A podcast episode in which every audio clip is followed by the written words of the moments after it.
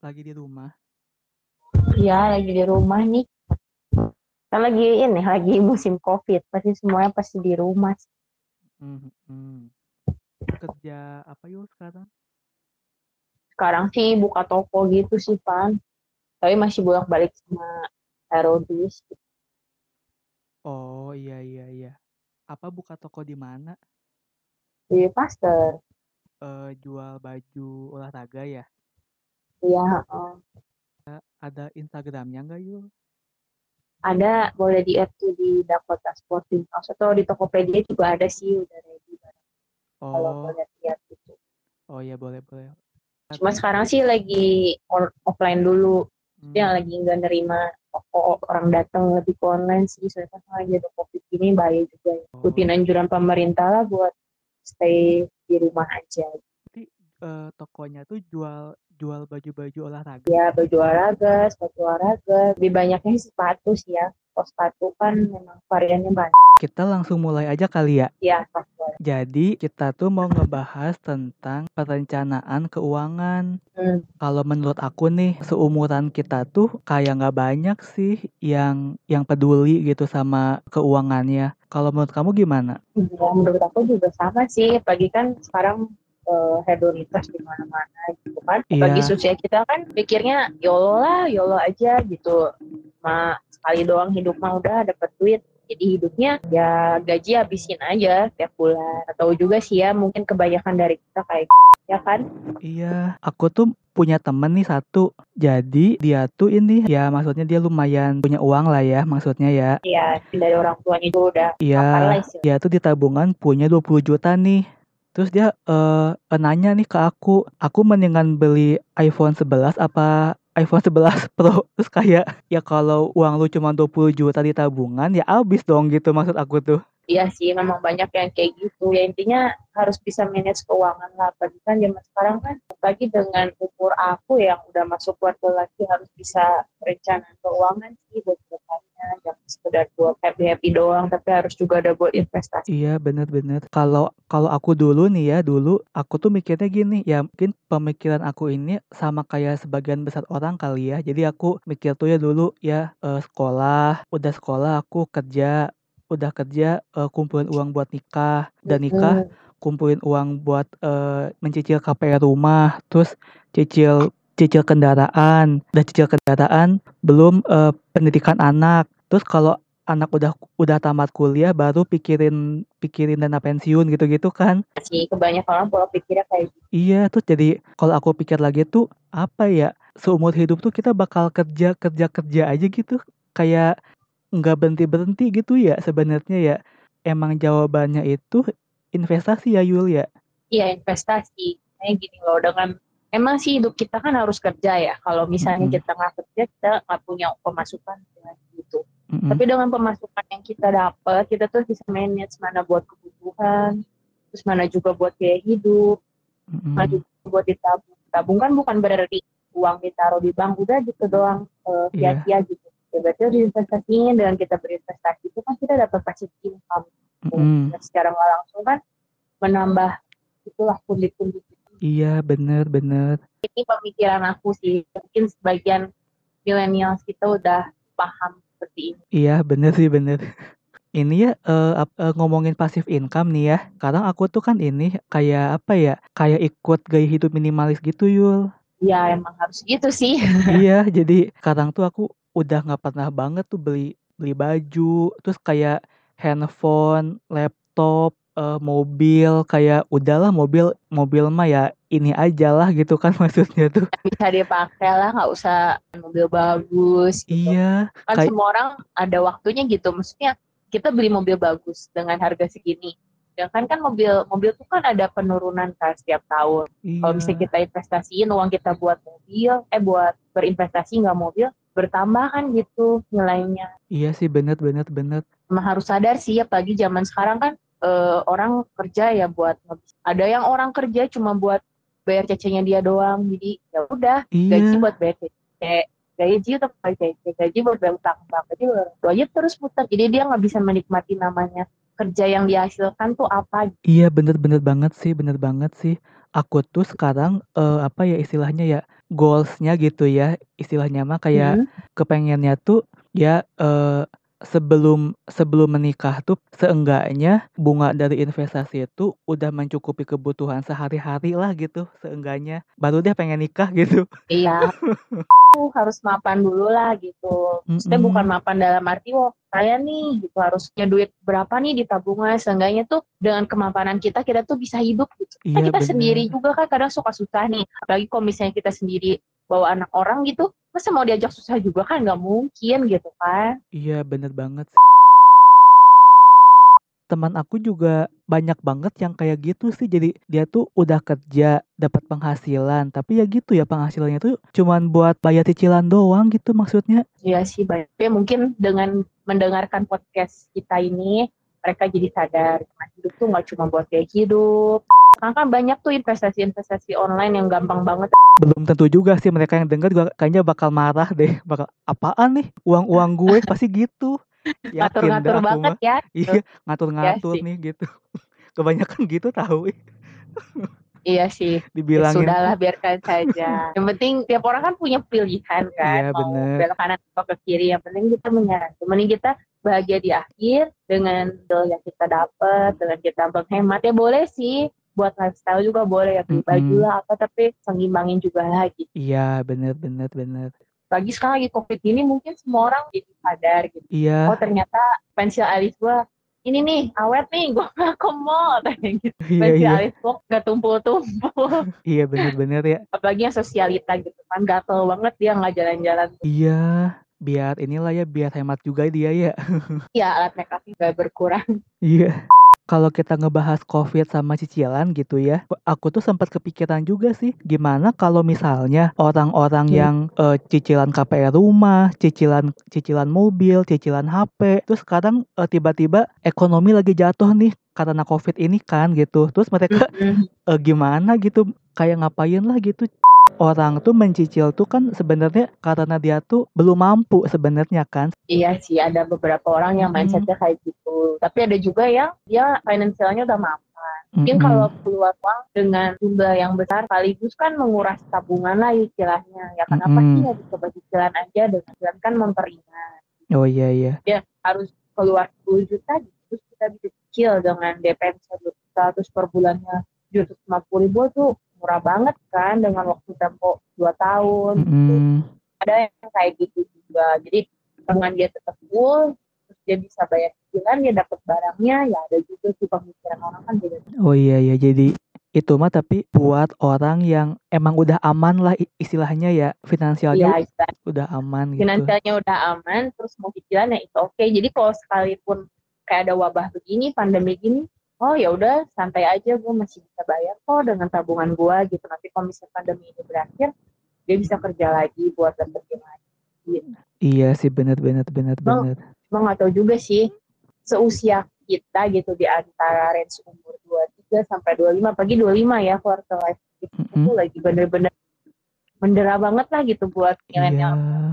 kayak kita gitu kan pikir yeah. aduh kita harus punya tabungan berapa ya kira-kira orang-orang yang seusia aku ada nggak ya tabungannya? Berapa ya? Lebih gede dari apa lebih kecil? Pasti ada pemikiran kayak gitu semua orang. Iya bener ada sih. juga yang pikir aduh dia enak banget sih punya HP boba gitu kan. Sedangkan aku apa? HP Cina doang gitu kan. Iya iya benar benar ya itu sih godaannya banyak. Ya kita dapat duit kita simpan kita tabung. Dan kita udah bisa ngumpulin uh, duit seharga iPhone boba tuh kan apa sih hmm. hasrat buat beli tuh kayak ah beli aja gitu ya beli aja gitu ya apa sih kayak gitu iya semua orang sih. semakin tinggi gaya eh semakin tinggi uh, pemasukan yang diterima pasti gaya hidup semakin iya dan sebenarnya itu tuh masalah kan sebenarnya ya iya masalah jadi gimana kita menghandle mm -mm. menurut kamu gimana tuh pan handle-nya kalau misalnya ada yang kayak gitu tuh misalnya aduh gaji gue naik nih udah tujuh juta mm. kayaknya nih udah mau angka sepuluh dua digit kayaknya yeah. gue harus modif mobil gua nih kayaknya gua harus oh, iya di tuh. iPhone boba nih iya gimana sih, bener, bener. kalau kalau menurut aku nih kan kalau aku tuh sekarang jadi suka baca-baca ya sekarang ya jadi ini ya kutu buku lah iya gua tuh jadi kutu bak jadi kutu banget kutu banget kutu buku banget. Ya. Jadi aku tuh sempat baca, jadi ada yang namanya tuh dari filos filosofinya tuh uh, stoikism dari filsuf uh, Romawi. Jadi stoikism itu artinya pada intinya tuh kalau misalnya kita punya penghasilan 20 juta, ya kita uh, hidup seolah-olah kita cuman punya penghasilan 5 juta gitu-gitu. Jadi hidup di bawah kemampuan kita gitu sebenarnya. Nggak ngerti deh aku. ya. Ya tadi lah pokoknya. Kita lanjutin lagi lah ya. Tadi itu sampai uh, itu ya. Yang uh, itu tuh. Mau biarpun gaji kita mau dua digit kan. Mau gaji mm. kita berapapun juga. Kita bisa beli apa pun gitu kan dengan salary yang kita dapat. Tapi ya harus juga bisa punya goals dalam hidup. Gitu. Goalsnya iya. apa nih tahun ini harus punya apa tahun ini kita harus uh, investasi apa nih terus tahun depan lima tahun ke depan kan yang pertama tuh kan harus pertama harus finansial apa kedua bagian orang tua. Ketiga baru cari pasangan iya. Halo halo. Uh, tadi apa ya, sorry. Yang pertama itu iya.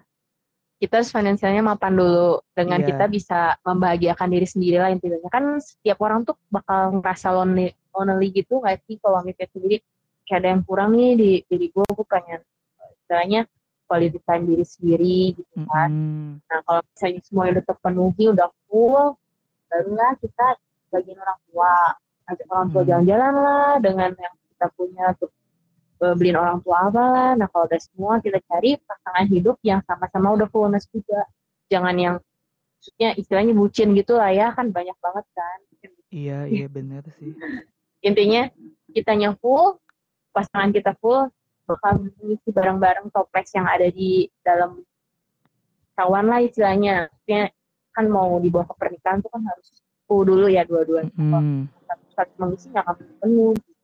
Iya itu deh tiga itu iya sih apa Jadi ya pasangan hidup ntar aja lah iya. mapan dulu aja gitu apalagi kalau cowok mah nyantai aja iya sih uh, sebenarnya tuh yang paling penting tuh uh, apa ya kualitasnya sama gitu kan istilahnya mah ya hmm, sepadan sepadan ya, sesuai dengan sepadan sesuai dengan yang blueprintnya Tuhan lah blueprintnya Tuhan kan ada tuh sepadan mm-hmm. intinya itulah harus sepadan sevisi semisi kalau misalnya beda susah buat jalan. Iya sih bener bener bener. Aku di umur yang sekarang tuh jadi bukan gimana jadi ya merasa pernikahan tuh nggak harus sekarang juga gitu Yul kayak masih banyak yang harus yang harus aku lakuin gitu ya.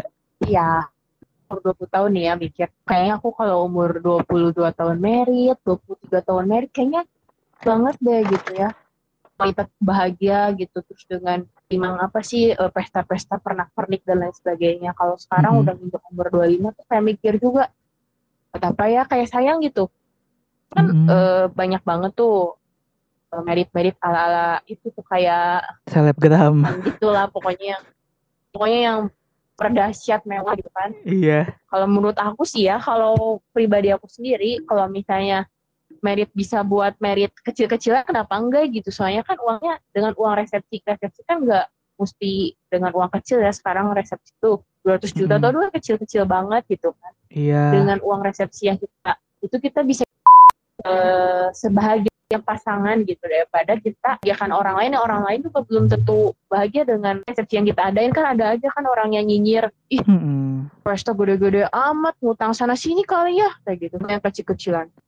itu kayaknya nggak mampu deh nggak mampu aja mau merit undang-undang lumayan pasti gitu kan ada orang seperti itu jadi ya udah biarin aja apa kata orang di jalan Iya bener sih bener sih. Uh, aku juga punya temen nih, dia tuh merit, cuman ya pakai hutang. Gimana ya? Maksud aku tuh maksud aku tuh ya sebenarnya sih ya gimana dia ya itu kan pilihan-pilihan dia kan sebenarnya ya. Iya betul. Cuman tuh kalau dipikir jangka panjang nih merit hutang berarti setelah merit tuh dia harus mencicil cicilan hutang hutang itu kan sebenarnya kan? Ya banyak sih sekarang merit muda gitu modalnya ya udahlah kita merit aja yuk gitu misalnya. Sudah merit sengsara aja gitu garuk-garuk kepala Iya. Terus belum punya ini, belum punya itu. Ya mending kalau misalnya kitanya menjaga gitu ya, terus tiba-tiba misalnya udah punya anak tanpa direncanakan kita nggak tahu nah nanti lahiran anak pakai Bener. duit apa gitu kan Bener, bener banget. yang mending kalau orang tuanya mapan sih ya kalau orang Mm-mm. tuanya finansialnya bergelimang atau berkecukupan kan ya pastilah bantu cuma kan dari Mm-mm. pribadi kita ya kan kayak malu gitu masa sih udah merit masih bergantung sama orang tua kan mungkin Iya, bener banget sih. Ya, orang tua mah orang tua aja kan sebagai Iya, ya udah cukup lah buat nyekolahin kita gitu kan sebenarnya. kita betul Tapi kenapa ya kalau di masyarakat kita tuh berhutang tuh kayak kayak hal yang wajar banget ya sebenarnya ya. ya yang lumrah ya, ya itu sih mungkin karena dengan berhutang ya mungkin bisa jadi modal usaha gitu kan cuma kalau menurut aku sih ya Mm-mm. kalau kita berhutang kalau kita apa tuh jadi beban buat kita ber, kita maksudnya kita berdua lah sok kamu juga pasti begitu lah kalau Iya berhutang kan bener. pikiran terus gitu aduh gimana ya kita berhutangnya gitu Mm-mm. emang sih kelihatan kita punya ini itu tapi kan kalau utang tuh kayak rasanya gimana Iya. gitu membebani hati gitu Udah itu bener. mah sederhana aja yang penting bahagia gitu Iya sih bener banget sih. Apa ya kadang orang tuh ini ya ka- kadang tuh eh ya nih aku nih eh, di umur sebelum sebelum 30 tahun udah punya rumah sendiri, udah punya mobil mewah, eh HP, tapi nyicil gitu. Ke- Kesannya tuh kelihatannya tuh kayak kayak oh, oh ya nu dia dia udah sukses, tapi sebenarnya dalam dirinya sendiri juga pasti pasti beban kan sebenarnya.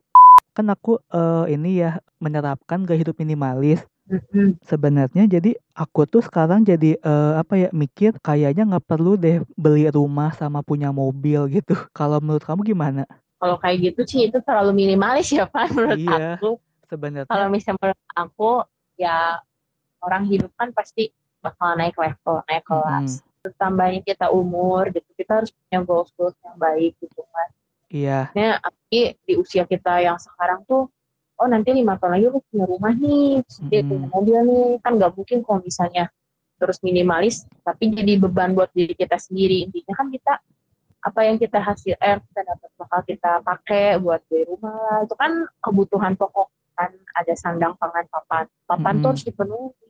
sebenarnya tuh aku udah bener-bener minimalis banget. Iya, Oh iya nih, kalau menurut kamu ya rumah buat tempat tinggal itu investasi atau bukan? Rumah menurut aku investasi tapi long term ya karena eh, rumah tuh eh, gak bisa misalnya nih kita beli rumah misalnya terus mau kita jual tuh kan gak bisa langsung kan ya harus ada perantara terus harus ada nego dan sebagainya itu kan tuh bakal Iya. susah buat cairnya Mm-mm. nah kalau kita berinvestasi dengan eh, yang kecil-kecil tuh kayak reksadana itu kan bisa dicairkan Iya. dengan emas mulia seperti logam mulia gitu itu eh, lumayan loh kita sekarang beli dengan kisaran harga nggak usah patok sekarang deh aku ingat banget di pertengahan tahun kemarin tuh harga emas logam mulia tuh stuck di 610 kita Mm-mm. lihat sekarang karena adanya pandemi covid ini aku ngecek harga LM tuh sekarang udah 948 ribu kan itu hasil yang bener-bener menguntungkan kan Iya, kita mau jual sekarang ke sih. toko emas bakal jadi uang gitu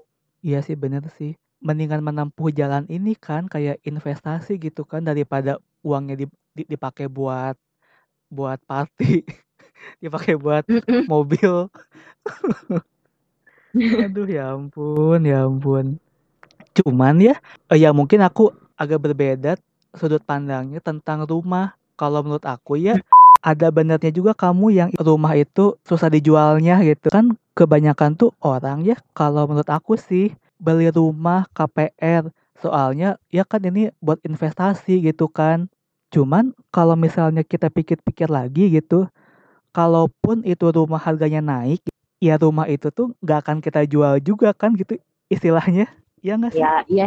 Iya, cuma gimana ya kalau rumah itu lebih ke nya tuh aset kan. Jadi kalau misalnya kita punya rumah itu kita bisa tinggalin atau enggak kita pastiin dengan cara ya kita bawa kontrakin, sewain gitu kan. Itu juga bakal jadi aset juga sih sebenarnya. Cuma ya kan rumah kan terlalu tinggi harganya sekarang. Mm-mm, mm-mm. Ya udah yang kecil-kecil dulu aja. Usia kita kan ya ada juga sih usia kita yang udah punya rumah itu. Mm-mm, Cuma ya startnya tuh ya udah deh kita coba reksadana dengan mm-mm. cicilan atau dengan coba deh nabung LM satu bulan Instagram kumpul satu Mm-mm. tahun kan lumayan tuh dengan kita ngisiin uh, duit buat hotel kita kita alihin buat investasi misalnya sehari eh seminggu gitu. kita Hmm. nongkrong dengan habisin uang dua ratus ribu Mm-mm. kali empat kan delapan ratus ribu tuh Iya. udah deh kita eh, coba dua minggu kita off deh empat ratus ribu kan dapatnya empat ratus ribunya bisa ditabung loh reksadana kalau misalnya Mm-mm. satu bulan aja empat ratus ribu dikali dua belas kan udah berapa